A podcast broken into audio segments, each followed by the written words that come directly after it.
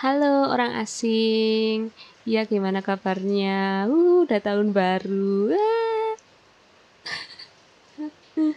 Yalah aku seneng. Kamu liburan kan? Ya. ya ampun, ini liburan pertama aku. Aku udah setahun cuy nggak liburan. Uh. enggak sih, enggak ganggu-ganggu banget. Alhamdulillah. Iyalah, aku masih berkarya. Kamu udah lihat timnas kemarin juga kan? Tanggal 1 ya kan? Seru ya men, ya ampun, bayangin coba kok misalnya kita ada di stadion itu, kita lihat langsung, wah auto tuh teriak-teriak ya nggak sih? Aku aja di rumah sama adikku, mamaku, kita teriak-teriak soalnya seseru itu gitu loh. Aku emang bukan orang penggemar olahraga ya tapi kalau misalnya disuruh nonton pun ya seru aja gitu menurut aku. Ya runner up tapi nggak apa-apa. Karena kita mainnya juga udah bermartabat dan perjuangannya itu lu kerasa.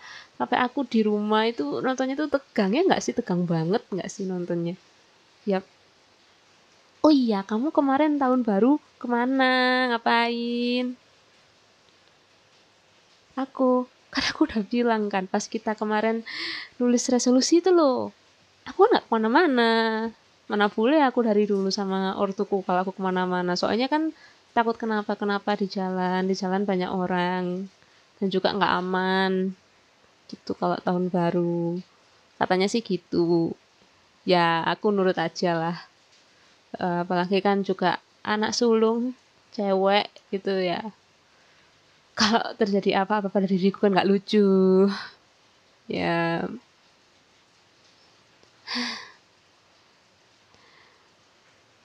Cerita dong kamu kemarin ke mana?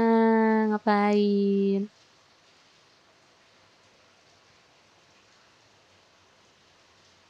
Hmm gitu Kalau aku kemarin tuh gini.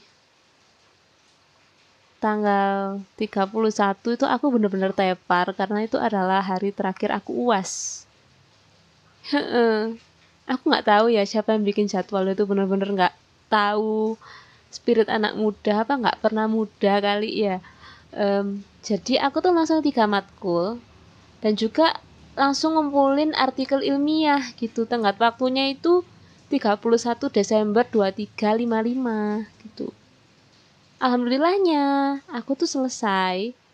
Sebelum maghrib tuh udah ngumpulin alhamdulillah.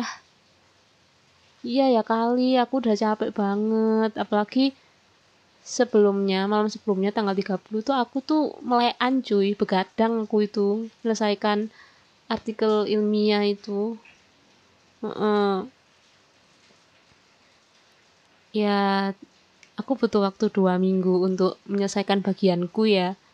Karena selain aku nyusun ringkasan kemudian pendahuluan aku tuh juga harus riset sejarah budaya terus cara pembuatannya gitu. Dan ya cara pembuatannya itu pun kan aku kan bahas telur asin kan itu pun ada yang modern ada yang udah pakai alat dan juga tentang sejarah dan budayanya aku nggak cuma bahas tentang telur asin di Indonesia ya. Emang asal muasalnya kan asal Brebes tetapi ternyata udah berakulturasi gitu kebudayaan Cina sama kebudayaan sini. Dan juga kamu tahu sendiri kan telur asin itu kan makanan kekinian. Varian yang sering ditemukan di makanan kekinian. Nah itu gitu.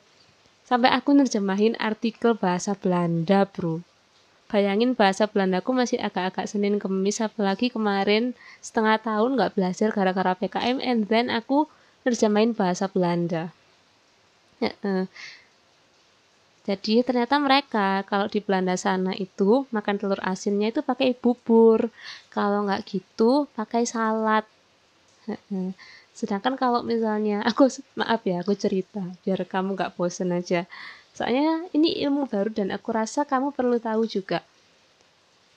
Dan ternyata di ilmu kedokteran Cina, ya kan pengobatan tradisional Cina telur asin itu digunakan sebagai obat menurun panas dan juga diare gitu. He -he, aku baru tahu. Makanya dulu kan almarhum kakekku kakekku kan orang Cina ya nah itu semasa hidupnya tuh suka banget makan telur asin. Bahkan dihitung-hitung itu hampir setiap minggu tuh makan telur asin. Eh ternyata gara-gara itu gitu. Kalau orang Cina makan itu berdasarkan literatur yang aku baca ya dia itu kayak cenderung makannya tuh sama bubur. Terus sebenarnya juga telur asin kalau yang di Brebes yang jadi warisan budaya tak benda ya udah jadi warisan budaya tak benda loh ditetapkan sama Kemdikbud tahun 2020 keren sih. Udah selevel lah sama rendang. Nah itu oke okay, kita balik lagi ke telur asin. Itu sebenarnya itu asalnya dari penyembahan ke dewa bumi gitu barengan sama bandeng gitu. Terus juga dimakan pas imlek karena melambangkan kesuburan nah pasca kemerdekaan kan ekonomi kan sulit tuh banyak perang di mana-mana masih ada agresi militer segala macem gitu kan. Nah masyarakat Brebes di Jawa Tengah sana itu menggunakan telur asin itu sebagai apa? Sebagai sokongan untuk memperbaiki ekonomi. Jadi mereka mulai memproduksi telur asin karena di sana emang banyak garam kemudian banyak telur bebek kan gitu Nah, sedangkan kalau misalnya kita lihat di zaman penjajahan sendiri, eh, telur asin ini merupakan makanan rakyat ya, soalnya dia itu nggak ada di perayaan-perayaan konglomerat Jawa gitu. Aku lupa apa itu namanya. Terus juga nggak ada di Reistafel. Reistafel ini adalah makanan prasmanan, tata cara makanan prasmanan yang digunakan orang Eropa. Dan salah satu makanan yang paling banyak dikonsumsi itu emang diperuntukkan untuk makanan-makanan Nusantara gitu jadi kayak sate. Itu ada di situ. Itu sih. Uh-uh. ya intinya gitu. Maaf aku keceplosan ngomong sejarah. Suka aku tuh sejarah dari dulu. Uh-uh. intinya gitu. Jadi malam tahun baruanku itu dihabiskan dengan ujian, ujian, ujian, tugas, tugas, tugas. Kemudian aku tepar. ya. Oh iya, kamu masih ingat nggak resolusi tahun baru kamu? Masih ingat ya? Hmm. Semoga tercapai. Amin. Oh iya, bicara soal resolusi tahun baru, aku ketambahan satu yaitu lebih sadar akan perasaan, keinginan dan kebutuhan diriku sendiri. Soalnya kemarin tahun kemarin nih 2021 aku tuh sadar gitu kalau aku tuh terlalu mengabaikan diriku sendiri untuk menolong orang lain gitu. Karena ya aku sadar aku tuh seorang people pleaser pada saat itu dan aku itu ingin bangkit, aku tuh ingin lebih mengutamakan diriku sendiri. Iya masih membantu orang lain gitu tapi aku sadar uh, kalau misalnya membantu orang lain itu juga harus sesuai dengan kemampuan diri sendiri juga harus lihat apakah kita punya waktu kemudian kapasitas gitu untuk membantu dia gitu.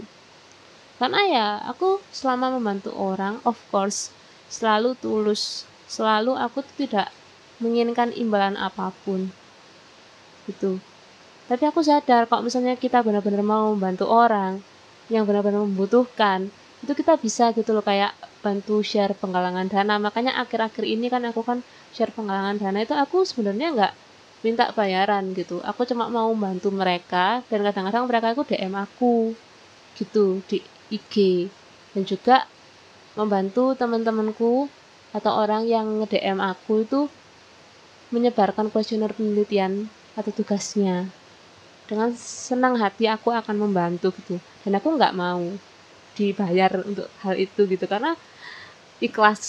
Jadi biar Allah aja yang balas gitu. Ya. Hmm. gitu sih kalau aku. Karena kalau misalnya aku membantu orang gitu aku jujur aja ya.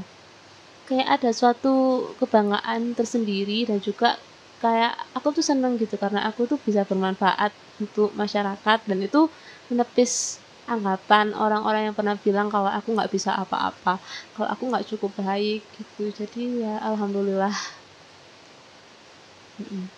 Karena kan Allah sendiri kan bilang kalau sebaik-baiknya orang itu kan adalah orang yang bermanfaat bagi orang sekitarnya gitu. Dan aku dari dulu tuh ingin menjadi orang yang seperti itu makanya aku terus berkarya aku terus menulis tuh karena emang mungkin nanti ragaku tidak akan ada lagi gitu di dunia ini tapi seenggaknya tulisan aku kemudian hal-hal yang udah aku lakukan itu akan tetap abadi jadi amal jariah jadi sedekah jariah gitu amin. Woi sampai ke situ guys. Lah iyo makane iku. Iso-iso etalah sampai kuno ya udah ya uh, selamat hiburan. Aku tutup nih uh, terus semangat ya tahun barunya. Uh, jangan lupa untuk terus berusaha berdoa bertawakal dan restu orang tua. Kalau nggak gitu kamu harus buktikan kalau kamu bisa gitu. Mm. oke okay, bye bye semangat